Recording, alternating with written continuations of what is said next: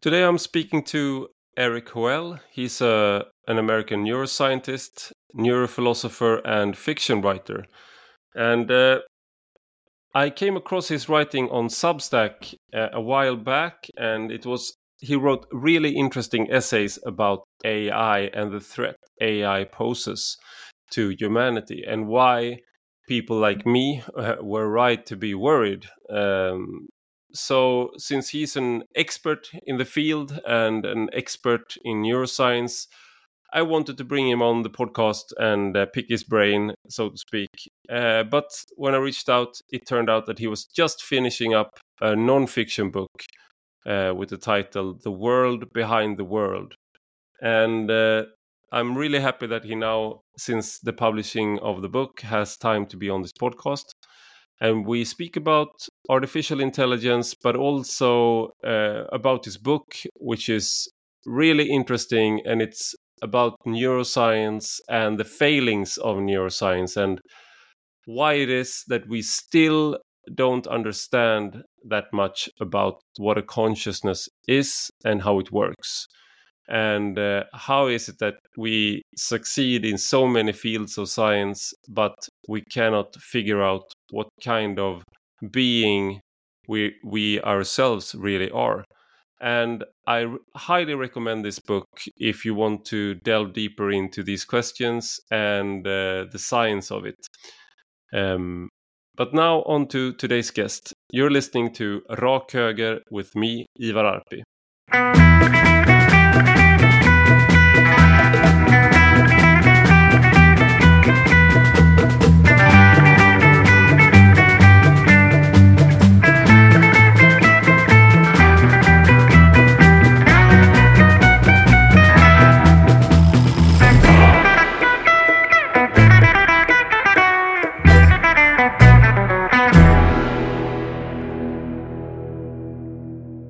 Welcome, Erik Hoel, to Rak Höger. Oh, thank you so much for having me on, Ivar.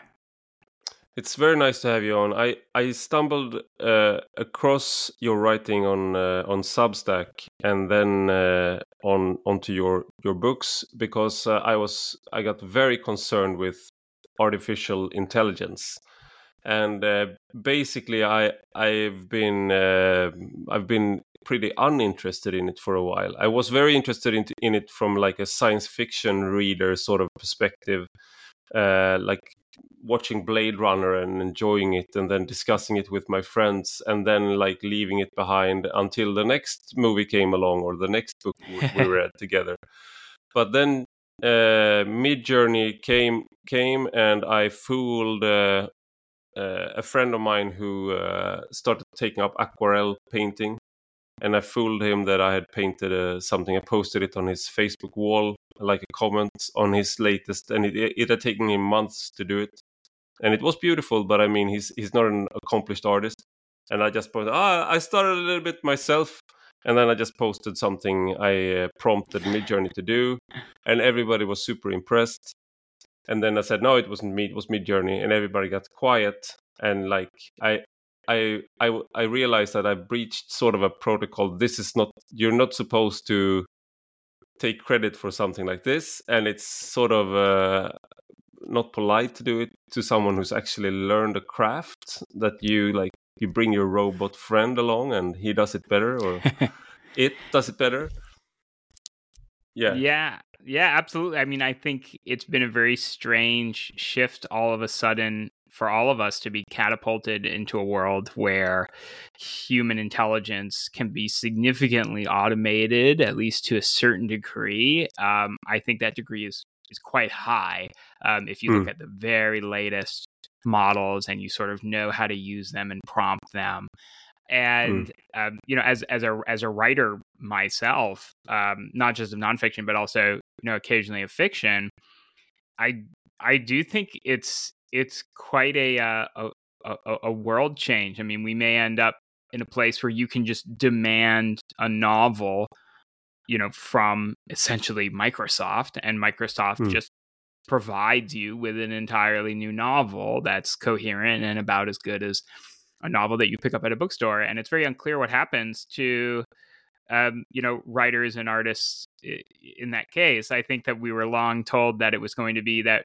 you know eventually everyone would have a, a robot and they would do all the the menial chores and grocery deliveries and we mm. could spend all our time making art and, and painting and philosophizing and then now we find ourselves in a world where you know very quickly the ais are far better at or at least far faster at making art and perhaps eventually philosophizing and yeah. we are still the ones you know delivering the groceries and doing the menial tasks so um, it it seems it seems to have to indicate quite an inversion of of what people expected yeah and uh, from from midjourney i i wrote like a, one of the first articles about uh, these um, midjourney DALL-E and in in sweden and then uh, I so I, I started experimenting with it, and then very soon I felt disgusted like I was.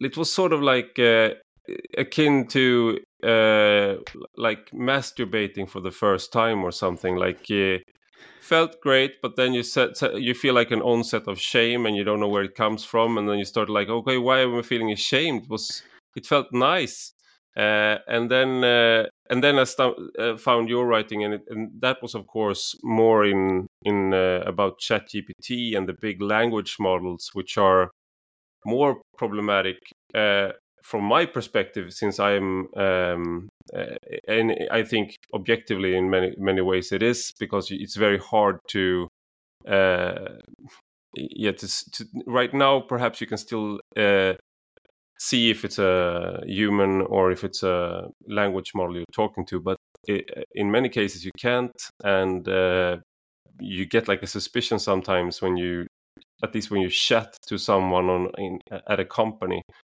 this is not a human being uh, and i've insulted a few uh, these like a paranoid person but what is the like uh, and as you said like we should we were the we were supposed to be the uh, creative geniuses of this uh, development but it seems like our uh, our abilities is more like cleaning the computers doing the creative uh, stuff. You just turned on the uh, fan on your computer, and that seems like something a human is fit to do, and like get in with our our hands with the crooks and crannies of the computer.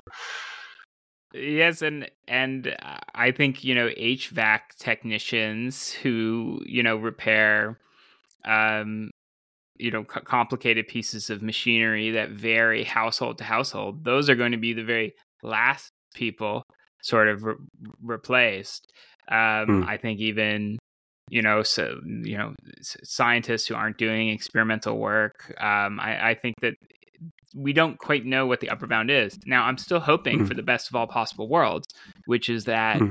ai progress stalls out rather soon and you can prompt an ai to write a sort of mediocre stereotypical novel but you can't just immediately prompt it to produce you know a work of of true uh, what would be considered like true artistic beauty hmm. and mm.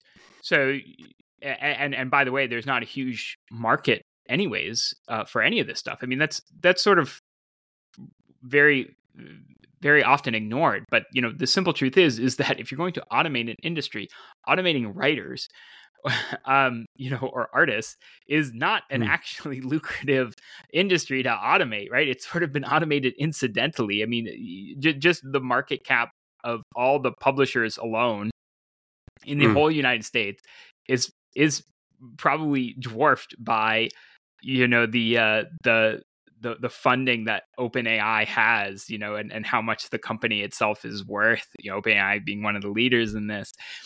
Um, yeah. And so you know my, my hope is sort of that the models don't get that much better than they currently are and then also people realize that to some degree it's that th- th- you're you're you're automating things that are not actually that lucrative and so therefore you know maybe it's not worth training um, a, a, a hundred billion dollars worth of compute to create you know the next biggest model series but mm. um it's also possible that that progress doesn't really stall out in any meaningful sense and we sort of just continuously get smarter and and, and, and smarter uh, models and they can do you know m- more and more things and I, I, think in that world, I have I have some radical opinions about it, but I think that once you sort of explain the situation to people, they don't. Many of them agree. I, I, am basically in favor of what sometimes jokingly referred to as a Butlerian jihad, which is a term a term taken from a fictional from a fictional book, Dune.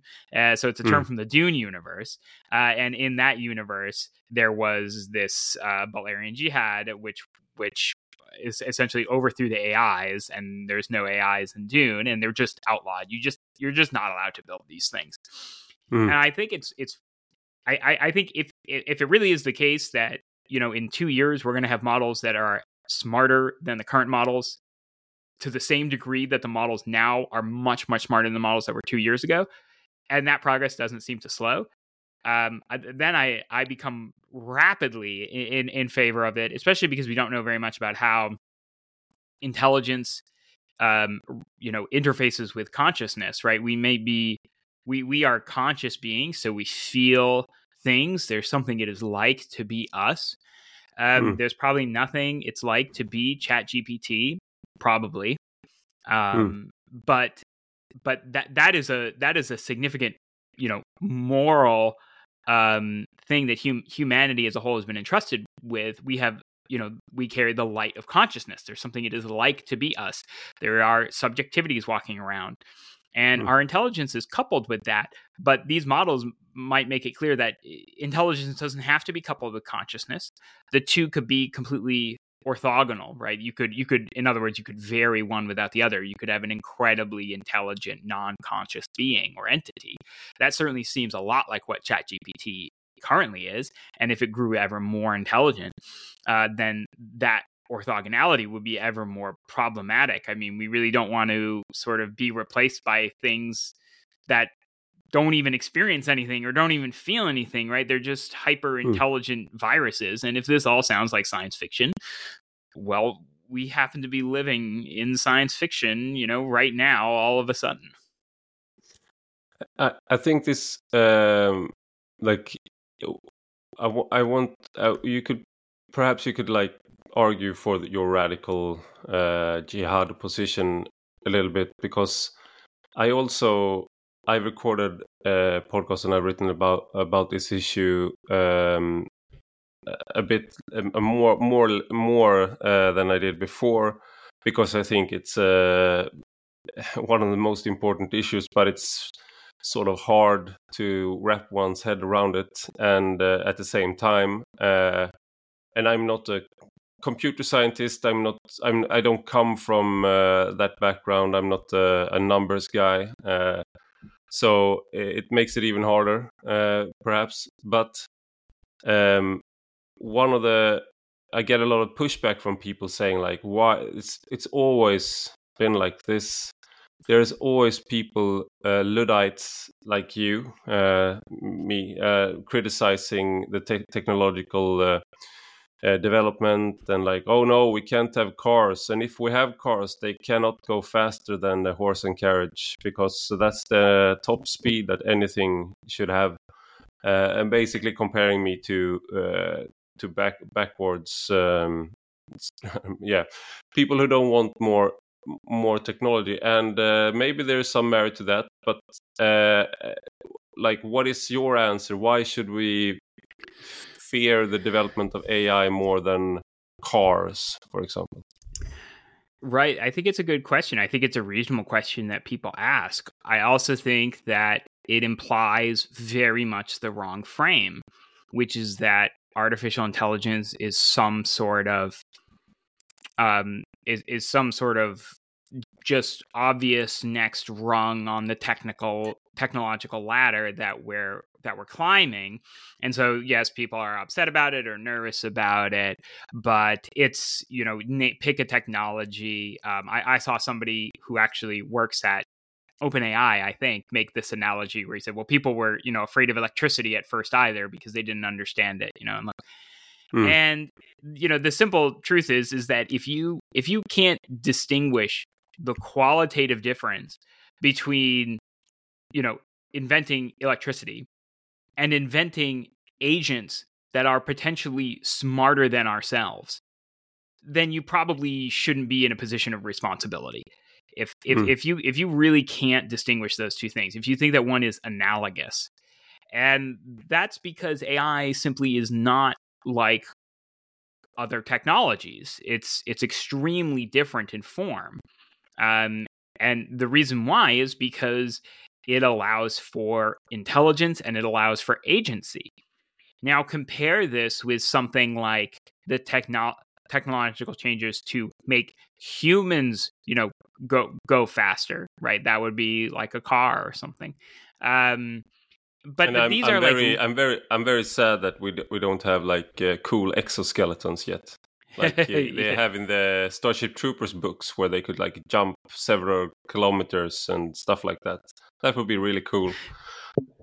Yeah, and I sometimes think, I mean, this is this is gonna, you know, perhaps people will, will then think I'm even more of a luddite than I am. But but I often think because I have heard this this exact analogy of that, you know, cars uh, before. And I always think, you know, I mean, people used to sort of like ride their best friends, you know, everywhere. Like you, you had this creature that you sort of loved and like was like loyal to you and you sort of ride it everywhere. I don't know. It actually seems yeah. like a really cool w- way to live. And we sort of have replaced it with, um, you know, something that's a lot more uh, efficient, you know, in, in many, many ways you know is, is it really like the best of all possible universes uh, I, I have no idea but um, but but but but to go people, back to the more serious. A, no, but I think that's uh, I mean, we have had a hard time adjusting. I mean, if you people who really uh, people name some people name their cars because they start loving the car but yeah. of course there is no response there so you, you you can feel sort of a resonance but when uh, compared to a horse you can actually have a relationship a real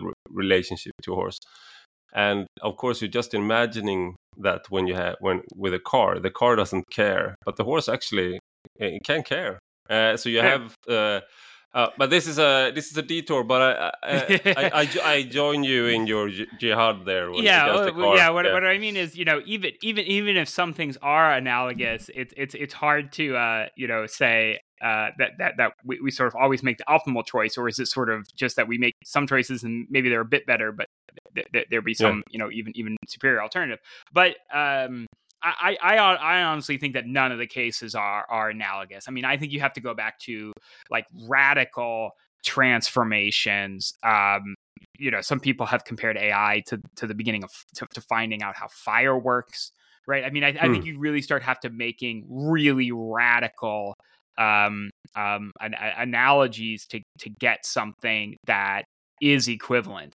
And so, therefore, if we if we if we think about you know Luddism, we should consider the, the we could consider what it would be like if it were not true. Like, imagine how absurd the universe would have to be, such that every single possible technology that you can ever invent and, and, and popularize would always be good like all tech trees are just great they they always lead mm-hmm. to like wonderful outcomes for your civilization and that sort mm. of so obviously seems to be untrue. It's like far too much of an ask, but that's essentially what's subtly implied by making these sort of analogies.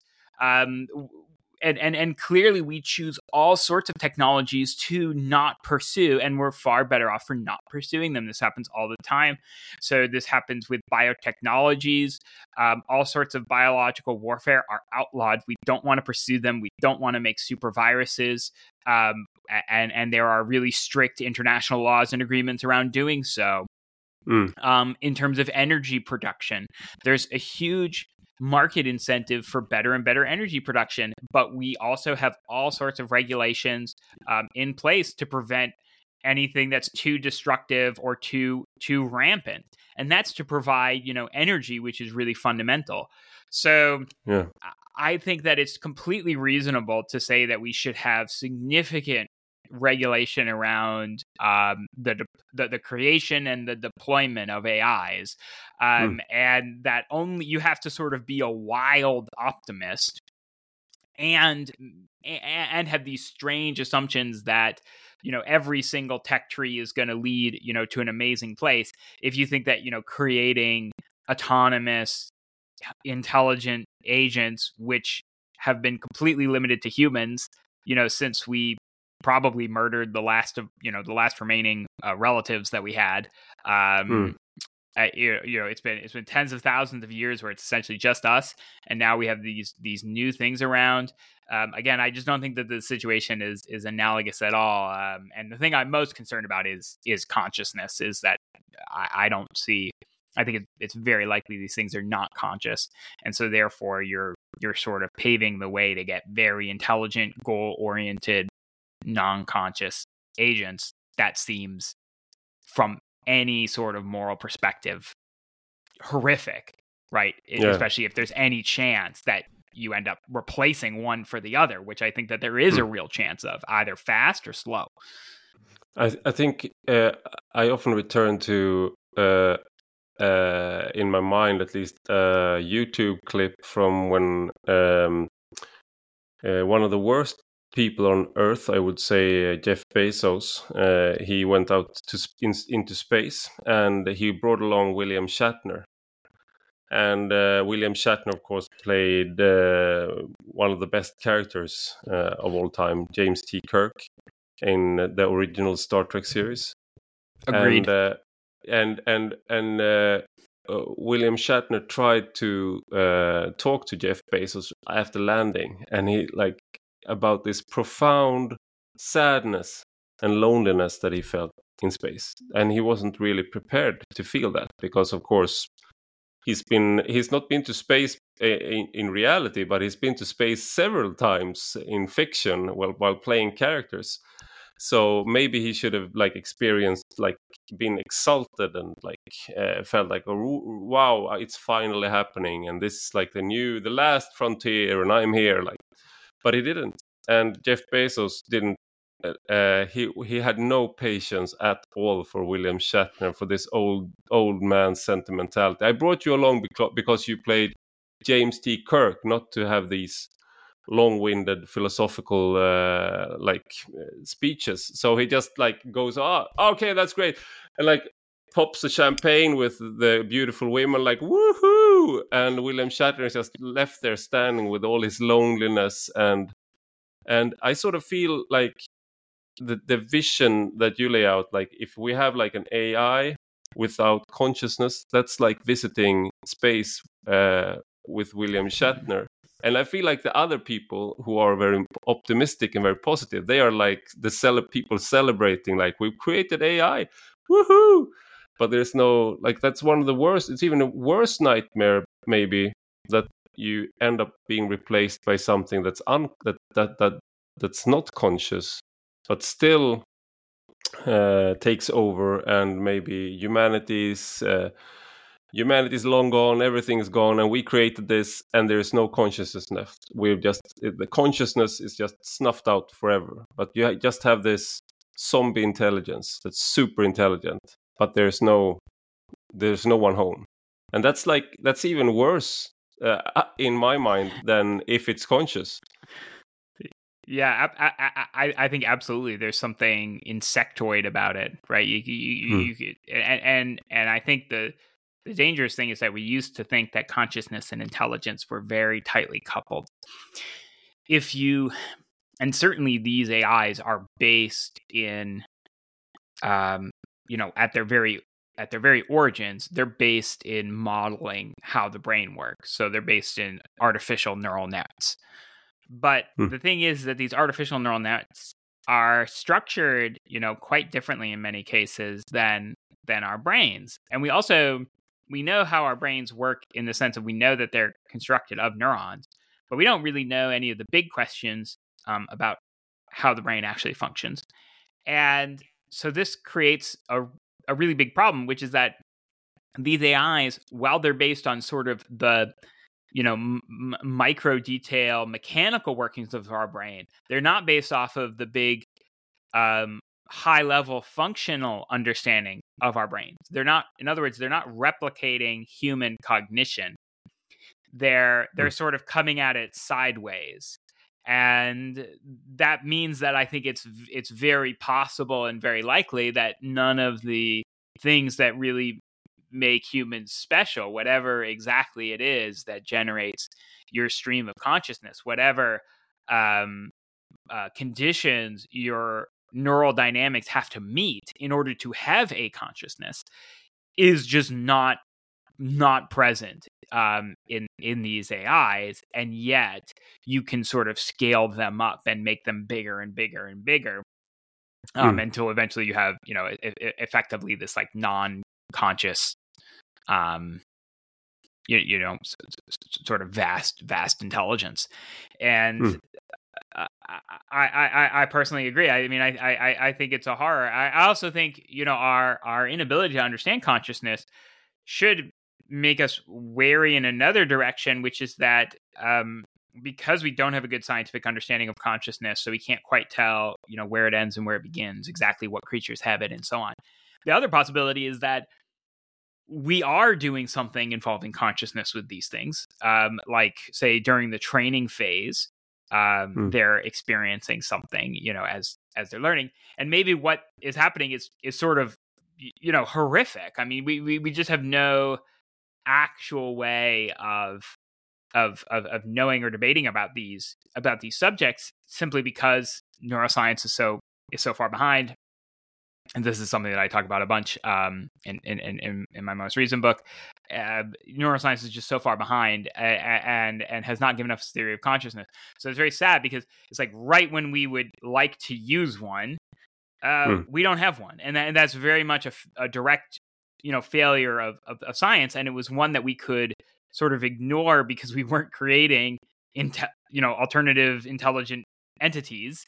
We could so, mm. sort of just pretend that we had a good understanding of the brain and um, of, of, of of of consciousness. But now that you know these things are actually happening I, I think that we can't we can't really like pretend that or ignore the problem anymore. I think we have to sort of admit that this this is a real serious problem. This is a scientific problem. This is uh this is something we actually need to figure out I, I you uh, i'm glad you bring out up your book. I'm i uh, i just finished your book before um, before this podcast and uh, it's uh, called the world behind the world and uh, it's uh, sort of surprising to some of us from who are come come from softer subjects and we are more used to being like you, you read stuff and then you you realize oh maybe this this can't uh, you can't predict anything about this. It's more of a it's very soft and uh, like political science. You can't really it's it's sort of it's very interesting but when you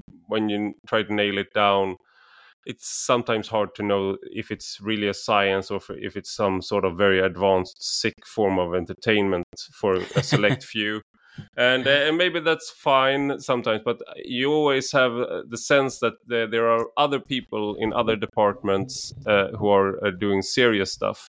And uh, neuroscience is one of those sciences for me at least it's been like oh you're mapping the brain you can see that this part lights up and that's located in the prefrontal cortex and that develops then and then if you cut these and and but then if you read your book uh, you realize that uh, it's it's non, it's you, there's not been that many breakthroughs. And uh, like could you just like outline uh, because what you do very good and very uh, it's make it very easy to understand it's the difference between the extrinsic and the intrinsic perspectives.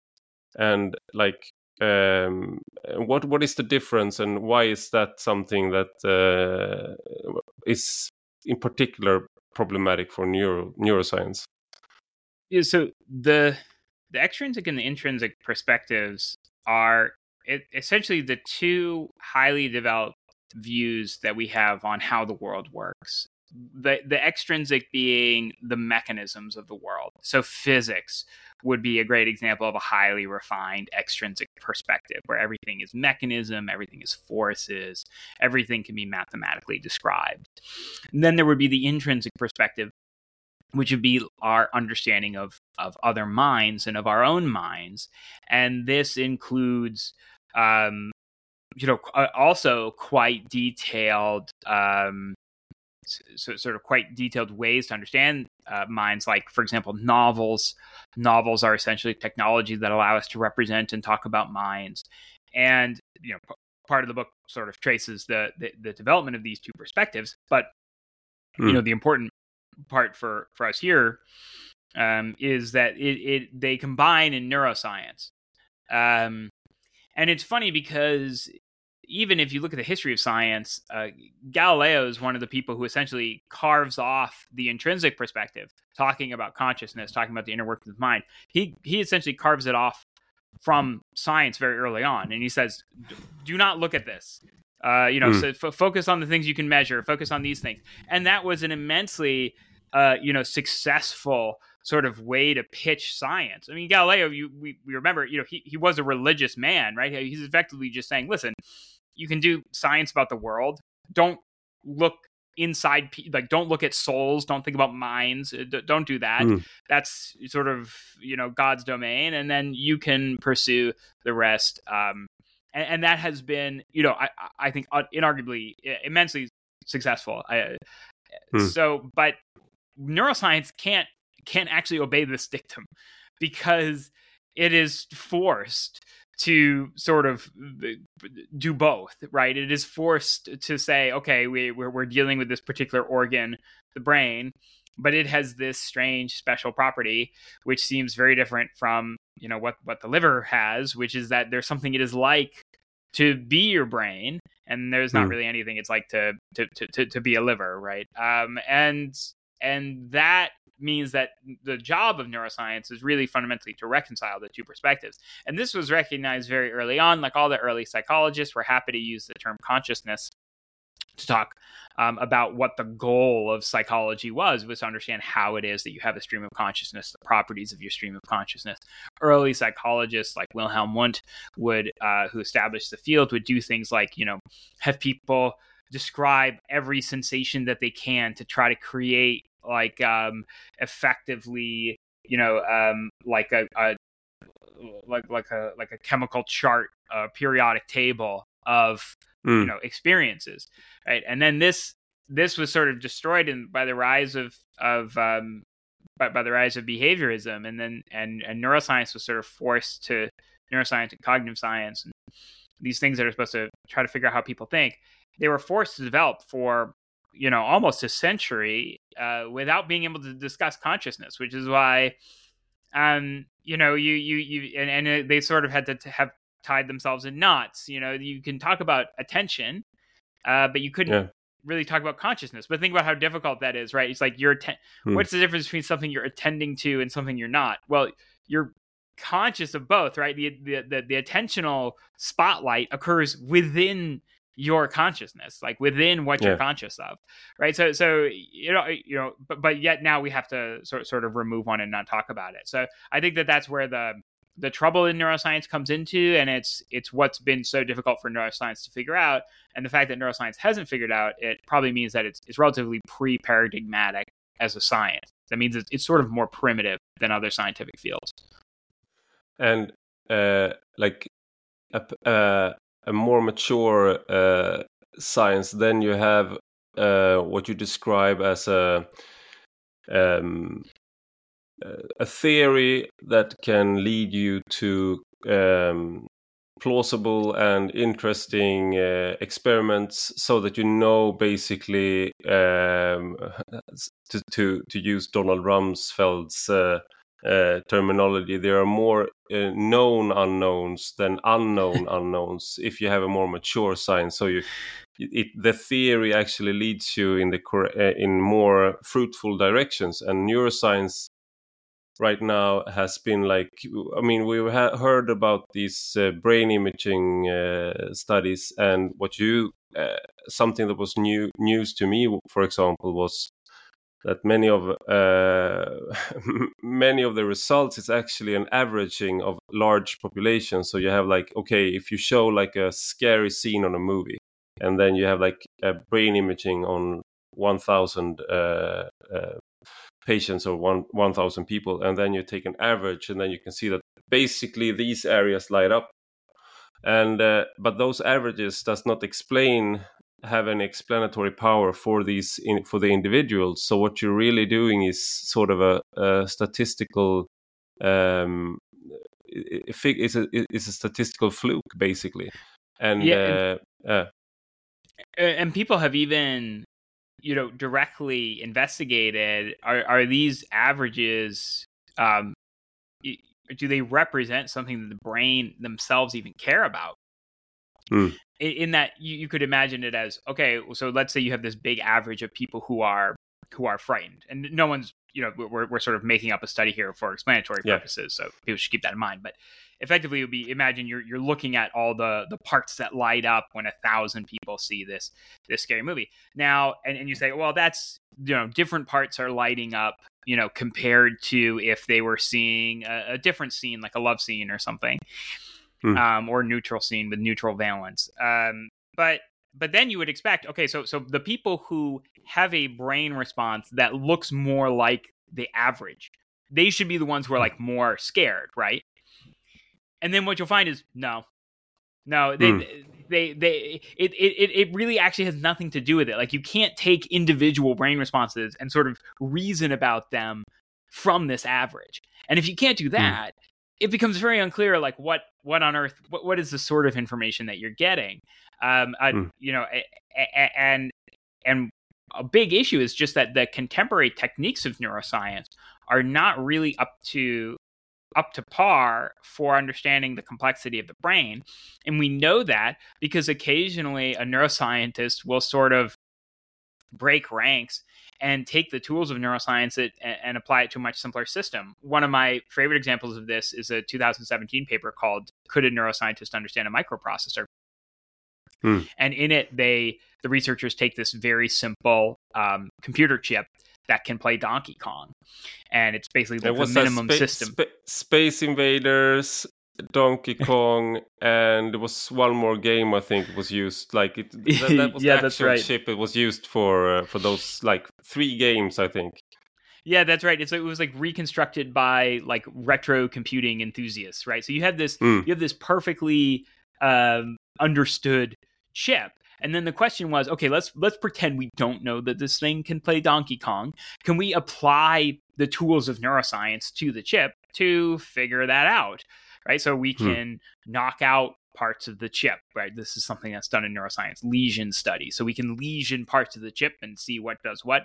We could measure the information flows across the chip. So we could look at like the mutual information. We could average the chip together into voxels, uh, sort of, you know, like coarse grain it the way that like fMRI looks. We could look at the locations. And they do you know, basically, you know, uh, the, the the main techniques of neuroscience.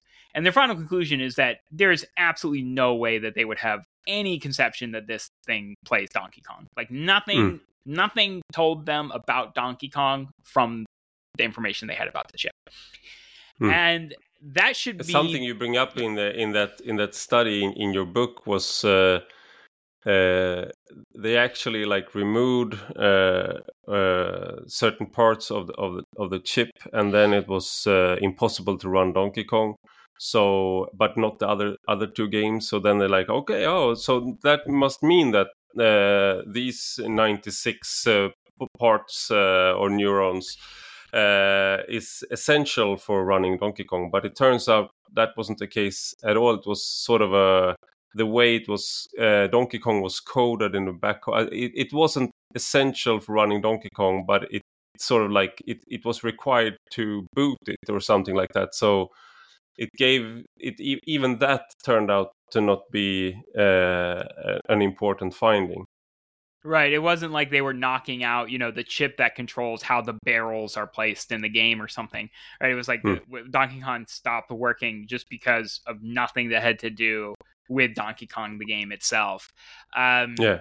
And and you know, even more broadly, there's a very well known problem, which is that artificial neural networks, and this is a really big problem in AI to bring it back to that as well, uh, that they are black boxes. They're mathematically black boxes.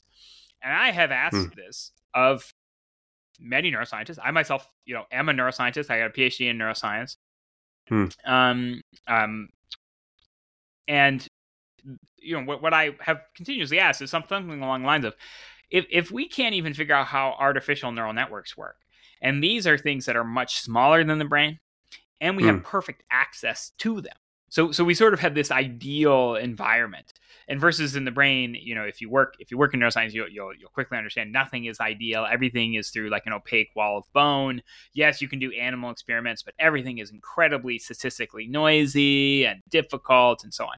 So you have this incredibly uh, complex a much more complex system that is much more opaque in terms of mm. how you can access it experimentally in terms of what you know about it and then the question is well why should you expect to be able to learn almost anything about that system if we struggle so much for these much simpler systems that we have complete you know access to? In other words why, hmm. why shouldn't you think that that's like a really big problem? Um, and i've never gotten a, a, a, a satisfactory uh, answer to that. Um, I, I, think it, it, either you either have to say essentially that somehow the brain is much simpler than um, you know these artificial neural networks that we're building, um, or that you know there's something unique about biology that that sort of does make it does make it simpler, so that these issues of it being a black box, you know, doesn't apply. Mm. Um, but, but but it but it's very unclear, you know, why that would be. It, it, it seems incredibly um, assumptive. So, and and to me, I, you know, something I've I've I've just to say that it's not all sort of you know dark i think that the, the issue is that there's no real big theory of brain function and the reason there's mm. no real big sort of overarching theory of brain function is because the main thing that the brain does every day is run your stream of consciousness right so you, you wake up in mm. the hmm. morning your experience starts you're you're running your stream of consciousness. Almost everything about your behavior uh, is explained by what's going on in your consciousness. You know, you you need coffee, um, etc. Uh, and and so all sort of your, your your brain's you know primary function is to keep the stream going and then to perform actions off of it and and and and um, that but we're not but we're also not allowed to talk about consciousness so so then it's like yeah. i have an organ it has its main function. I can't really talk about the main function. I can talk about the main function maybe in parts, um, mm. and so on. And so you get a situation that looks a lot like you know um, biology before Darwin or something, where mm. you know there were biologists before Darwin, and you couldn't say you know they're not doing biology, right? That would be too far. But without an overarching theory to orientate itself around, you know, nothing, nothing in in uh, in biology makes sense except in the light of evolution. That's a very famous saying. And I would hmm. go further and say, you know, nothing within the brain actually makes sense except in the light of consciousness. And yet we don't have a, a good theory of consciousness, and and the number of people actually working on one is uh, incredibly low. You know, probably hmm. probably a couple dozen people seriously working on the problem. And uh, you have a uh, a metaphor in in your book that's uh, since I read it, it stayed with me, and I've I've uh, terrorized people with it uh, because it's terrorizing me, and it's uh, I think it goes like this: you imagine you have a a map of an island, and the island uh, and the map is so uh, detailed that every detail of this island is on the map. And then you place the map on the island. So in, in theory, if if uh, if uh, all of this is true, then that map must now contain the map itself and that map must in, uh, contain itself. And this is basically gives me the the same feeling as when I try to think about when my kids ask me how big the universe is. uh, you, you, feel like this. Uh, it's you, you can't stop thinking about it, but you sort of drown in it. Uh, and and if you have that level of complexity, basically, it's um, it's in, in then then if i if i read you correctly like a theory about the brain and about the consciousness that would make us be able to understand our consciousness must have that level of complexity that it makes uh, it's as complex as reality itself and that was unwieldy. And maybe that's sort of a limit of uh, of what we are trying to do here that that this map that we are trying to draw requires so much complexity that it's uh, it boggles the mind. I, I'm not one of the uh, best minds in the world, but I'm I'm not stupid either, and I, I think this sort of a vertigo that I, I experience is uh, um, it might be that a no-go zone, at least for my brain, to understand how this works. But uh, like, is this a problem? Like, are we trying to understand something that we can't really understand?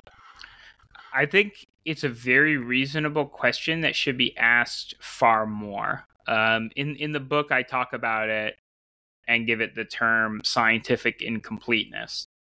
And the idea would be that there are some, you know, if, if science were complete, then that would mean that it can answer effectively every every sort of reasonable question um, you know every sort of reasonable scientific fact that we would want is available for discovery hmm. um, and once you once you frame it like that i, I think it, it, it becomes sort of obvious that maybe you, you should say no right right or or maybe you should slightly be biased towards saying no because you're like well that would be that would be incredible right hmm. um, maybe that is the universe that we live in but to draw an analogy uh, you know in mathematics mathematics is known to be fundamentally incomplete in that there are sort of these paradoxes and holes that lie at its foundations and they're things that no one has ever really gotten around and in many cases they don't affect working ma- working mathematicians and they can ignore them.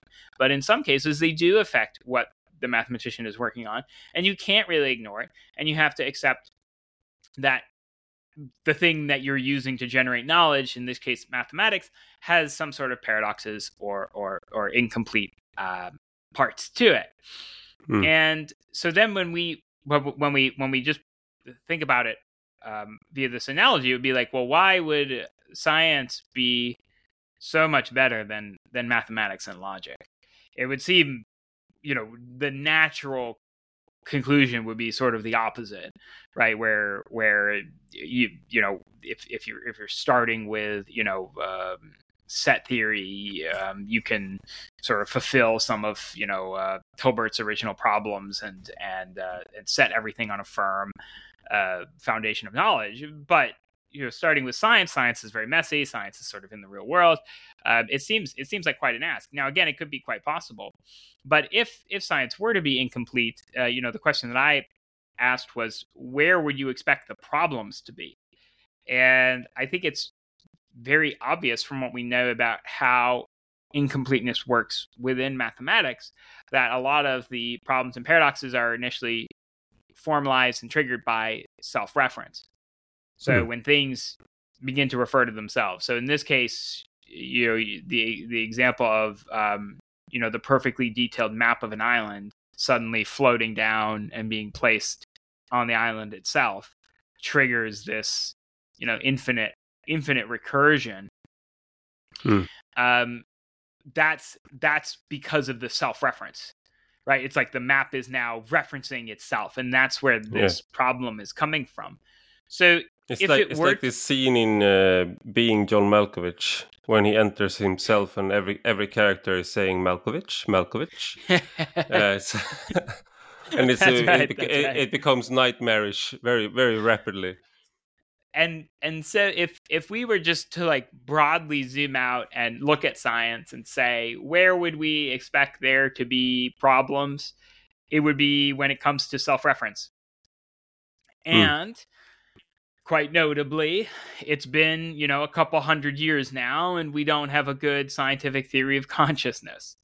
And in fact, yeah. there are all sorts of philosophers who make very complicated arguments, uh, supposedly showing how, like, almost, almost conceptually impossible um, a solution would be that you know there's like there's there's you, briefly referenced the term zombie. There's something called like the you know the zombie argument which is probably the most popular argument and in philosophy of mind and the most field defining one as well.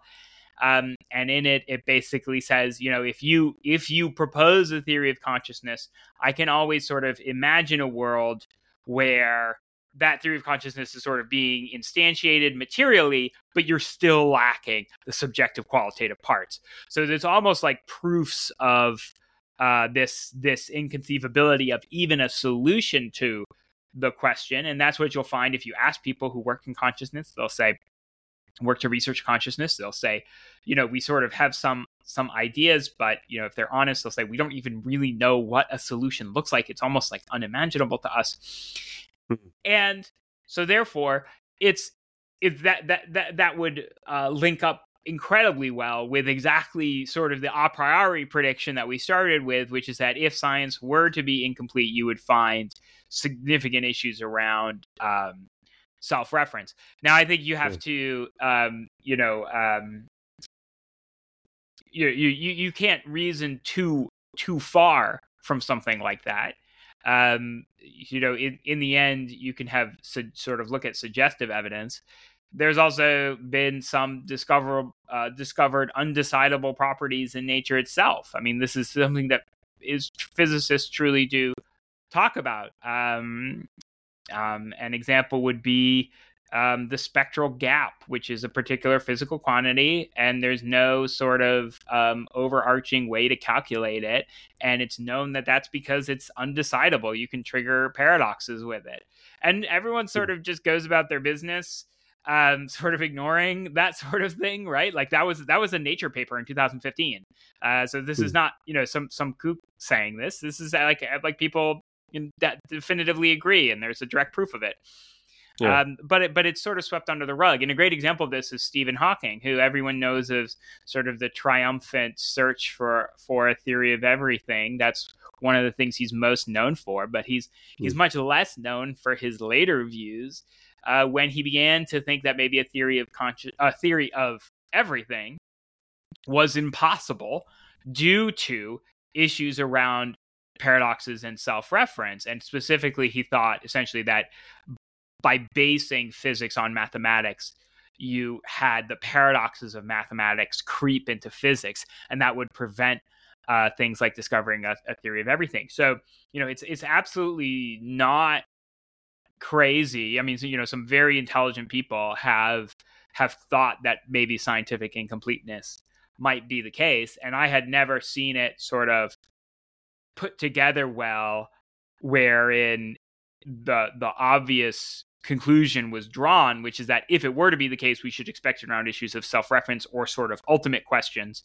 uh, which often you know subtly contain issues of self-reference. Perhaps that would be the case for a theory of, of of everything. It might be the case for consciousness, and it might be the case for you know questions that seem to um, look very paradoxical, like you know why is there something rather than nothing or something like that. Well, hmm. all those sort of questions are things that science has a very difficult time answering. So um, yeah. That was part of my goal in the book was just to was just to lay the argument out um, in in a way I had never really seen it done. Um, and, and, and, you know, it doesn't. There's no way really to prove scientific incompleteness without a bunch of assumptions. Um, you know, about if science being some sort of formal system and so on.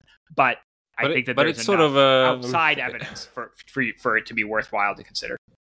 And it's uh, it might sound uh, strange because uh, sometimes when when you read about the so, sort of uh, all the failures of science to in different areas, consciousness um, be one of them. Uh, then you, I, I, can be overcome by a, a, great sort of fatigue and have to lay down, uh, sort of uh, like because it's too too big but the incompleteness I, I, think is the opposite. It gives me energy. The, and you end your book with uh, sort of a scientific case for free will.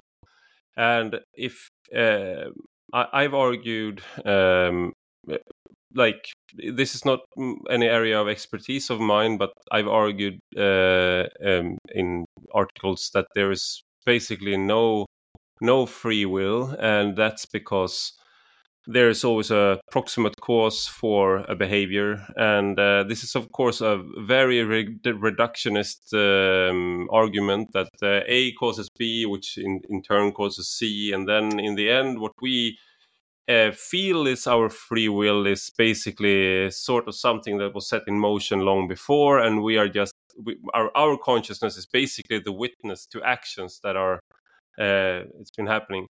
And but that sort of um, it might be philosophically uh, true if you have a complete like uh, causality and you could map the causality and that would be possible. But if there's an incompleteness or a, a layer of of chaos and uh, then that would actually not be be true. And uh, and then that that's actually something i find uh, sort of hopeful. And uh, if if you, it makes you tired to think that there's no free will it's sort of like the the uh, immense amount of everything uh, it's put on your shoulders like something happened 3 billion years ago and an atom pushed another atom around and bullied it. And that's why i now have to punch this guy in the face.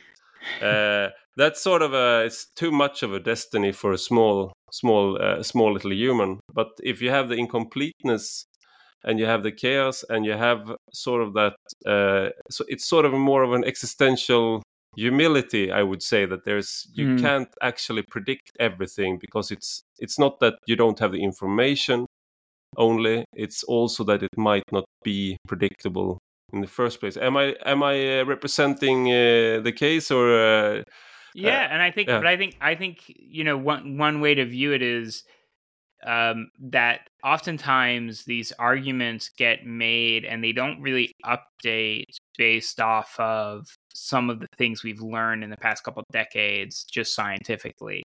So let's mm. look at this proximal cause argument, right? Where it says, well, you know, your your your current brain state where you're punching the guy can be traced back to your brain state the second before and the second before that and the second before that. But then also you can then keep keep going back, keep going back, keep going back, keep going back, and eventually you're at the Big Bang, right? And, yeah. And, or Citizen and so, Kane when he like you realize everything came down to Rosebud, like it was. Uh, yes, yeah. Um, and and and and so if you if you sort of reason from you know the Big Bang forward, you can see this all unfolding, and and and and then that's fine.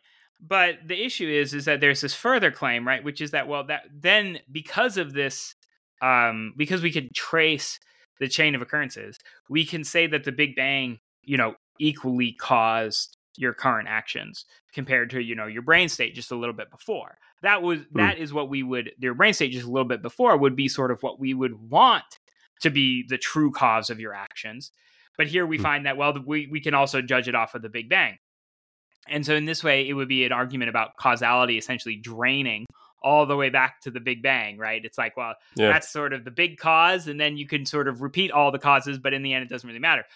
But the thing is, is that, well, if you look at the mathematics of causation, and this was one of the big revolutions of the past 20 30 years is that we now have a pretty good mathematical understanding of causation and how causation works. And that's thanks to judea pearl along with a few others judea pearl won the turing award at mit for this. So it's we do have a pretty good understanding of how you know we can treat causes and do causal modeling and so on. And one thing that you'll find is that causation drains away. It's not perfectly preserved. And that's because systems can have things like noise in it.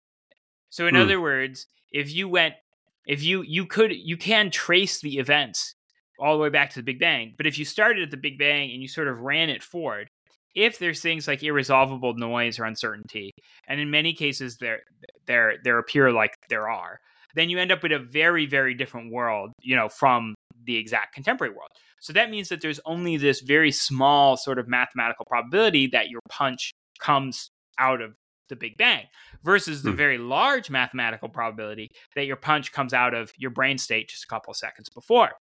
Hmm. And if we were to judge causation, we should judge it off of, you know, the strengths of these conditional probabilities. And so you would say, well, actually, you know, maybe you can assign some tiny marginal amount of causation to your punch from the Big Bang, but you should assign the vast majority of it to your previous system states. Um, and and and that is something that again, like most most people have sort of you know never heard of that. It's a very simple answer to sort of the proximal cause argument, um, hmm. and and yet it's sort of sequestered you know within these fields. So so one of the things I wanted to do in my book was you know bring up some of these various things that don't seem like they're you know acknowledged within the free will debate and that seem like you know very viable um, um, alternatives or things that that are actually much much harder to to deal with philosophically if you want to give like an anti-free will position because now you know now we need to talk what exactly do you mean by causation and so on and mm. i think that when you work out all the details you you end up with a very different answer yeah and and like there's a there's a like we we live in an age where it's uh, has been a lot of talk about big data and uh,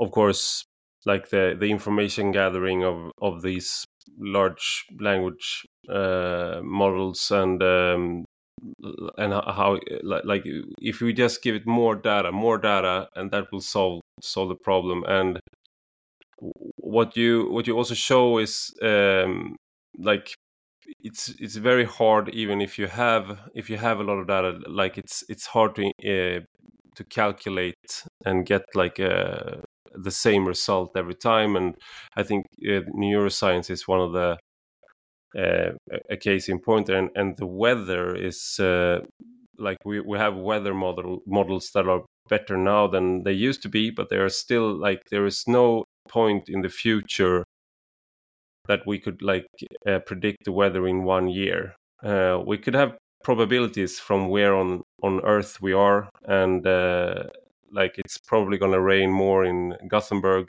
uh, than in uh, in Madrid. Uh, but but it, but that's about it, and we can like have averages and stuff like that. But just just a case in point, like uh, our weather agency SMHI here in Sweden, they just issued a red warning to go into a part of Sweden where we were going with uh, we're going by car, and uh, so we decided to okay. They say that this is the worst weather in 50 years, and people should like stay inside, and it's uh, it's awful. Uh, so we went to another place and just okay, we'll. But of course, it turned out that it wasn't that uh, that bad. Uh, we could have probably gone and visited the friend we were going to.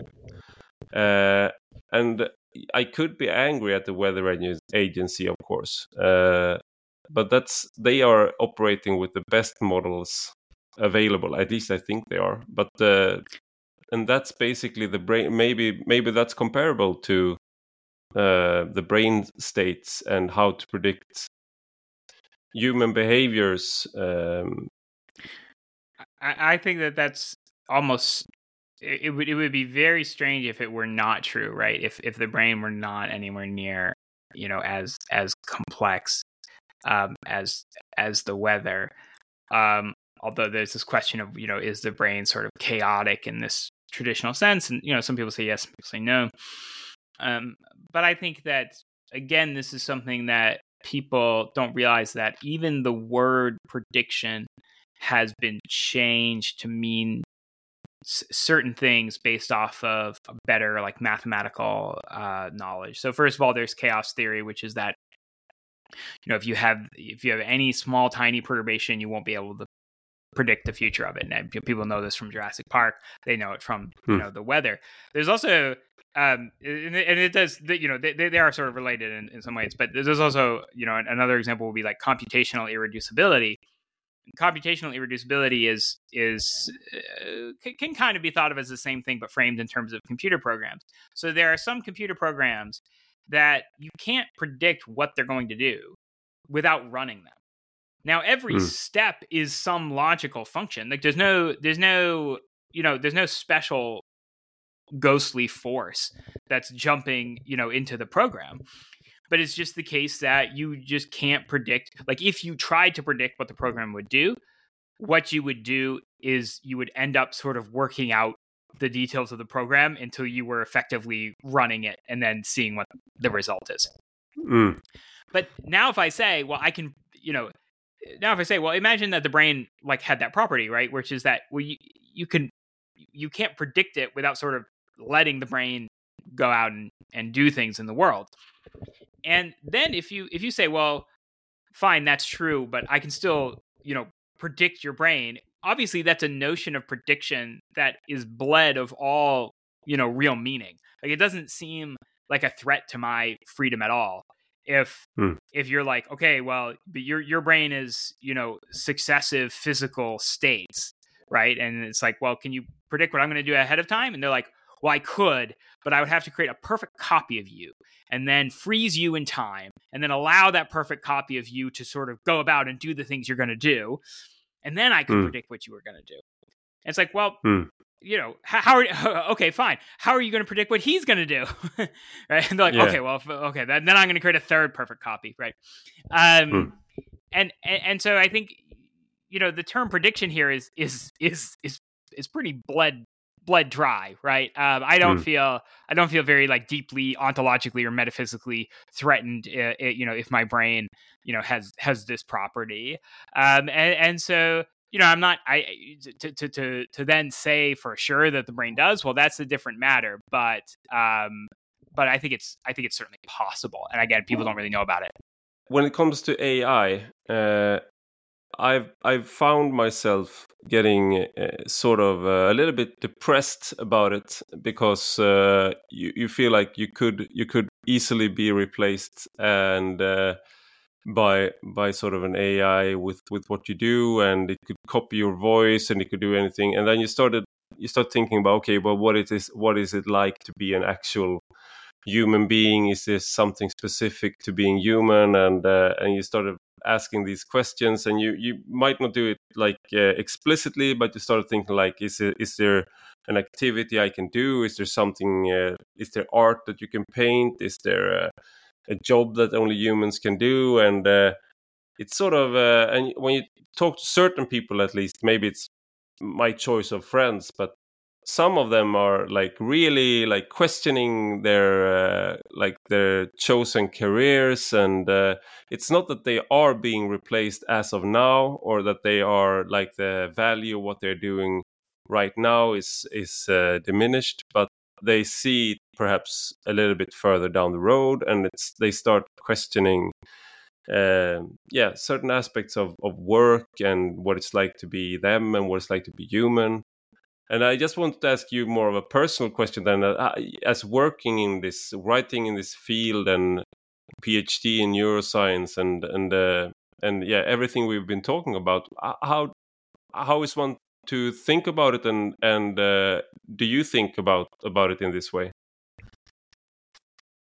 You know, I do, and in fact, I'm actually working um, on a on an essay about AI depression.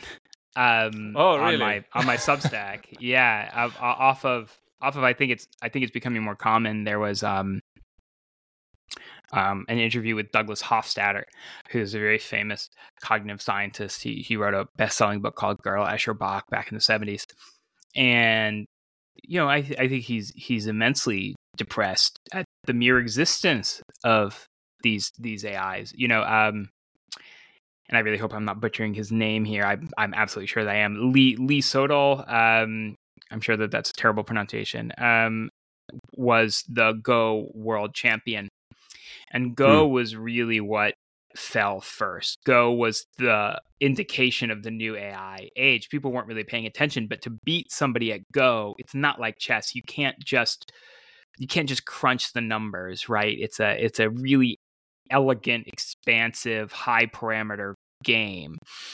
And Go fell in 2016. They finally got computers to be Go. And and by the way, when I was all through academia getting my degree, everyone said AI was a dead field. And hmm. the example that they gave was that you'll know it's not a dead field when it can play Go, uh, and it just yeah. can't play Go, right? And uh, but but but when this world champion um, lost, he was the one who who fought it like um, you know he like fought the machine. Um, hmm. He quit, quit Go because he said there's an entity that will never be defeated. Hmm. And you know, pe- people people still play chess right? Uh, I AI do. I play every day, and uh, it sucks to play computers. It's not fun, and you don't feel uh, you don't feel like uh, victorious when you win either. It's just mm. it's sort of it's just a fluke of the computer. I have a bad computer. Uh, you know that if if it just computed a little bit longer, it would beat me. yeah, and and um, and I and I and I wonder like how humans would respond if if if everything became like chess or go we have some indications that people can still you know do things and enjoy things but of course it's it's sort of like um you know reverse like uh, you know I, I don't write for me. Some some people mm. do. Some people say you know that they get a huge amount of joy out of writing. I get mm. a, a, a workman like joy out of you know the essays that i that i produce you know or the articles that i produce or the books that i produce. I get a workmanlike joy of satisfaction and, and pride. But um you know i'm doing it so that people will will read them right? So i'm doing yeah. it you know externally. And i think that that's where um you know that the, the sort of the threat is right? If if the if the market for these things doesn't exist then there really is um you know no no no big significant reason for a human to get involved. And i do think that that's very depressing. I mean i feel i do wonder whether or not i am one of the last generations of writers to ever exist. Hmm. Um, mm. That's very sad to me. I grew up in my mother's independent bookstore. I grew up selling books. I grew up reading books. Mm. It would be so sad to see that destroyed so that Microsoft's stock can go up. I, I'm just being really honest. I think that that's horrific. And that's not even the thing that most people who are concerned about AI are even talking about, right? They're talking about even far more horrific things like what if what if it kills all of us right like what if we accidentally create yeah. something that's so intelligent that it can kill us but even if stuff like that doesn't happen i think there's there's a deep sadness to the to the whole project and i think it's the first time in my life and i think that that that experience is is real and it's something a lot of people are going through where you're where you're realizing that the the past, you know, j- just might not be recapturable, and that it's all going to change uh, very, very quickly. And you know, as I said, you know, here's hoping, here's hoping it sort of doesn't. Um, but I don't think it's unreasonable to be extremely worried. Extremely worried. Thank you, Erik Hoel, for being part of Rak Höger. Thank you, everyone. Och stort tack till er som lyssnar. Gå gärna in och skriv en recension på Apple Podcasts eller i den app där du lyssnar på podden så hjälper du andra att hitta den och du hjälper mig att bli bättre. Och detta är alltså en del av en större publikation på Substack med samma namn som podden och du hittar alltihop på www.enrakhöger.se. Och om du blir betalande prenumerant idag så får du 20% rabatt då ska du gå in på www.enrakhöger.se podd. Och betalande prenumeranter, då får man ta del av hela poddavsnitt, alla texter och exklusivt extra material. Och har ni några frågor eller synpunkter så tveka inte att höra av er på ivararpi Vi hörs om en vecka igen.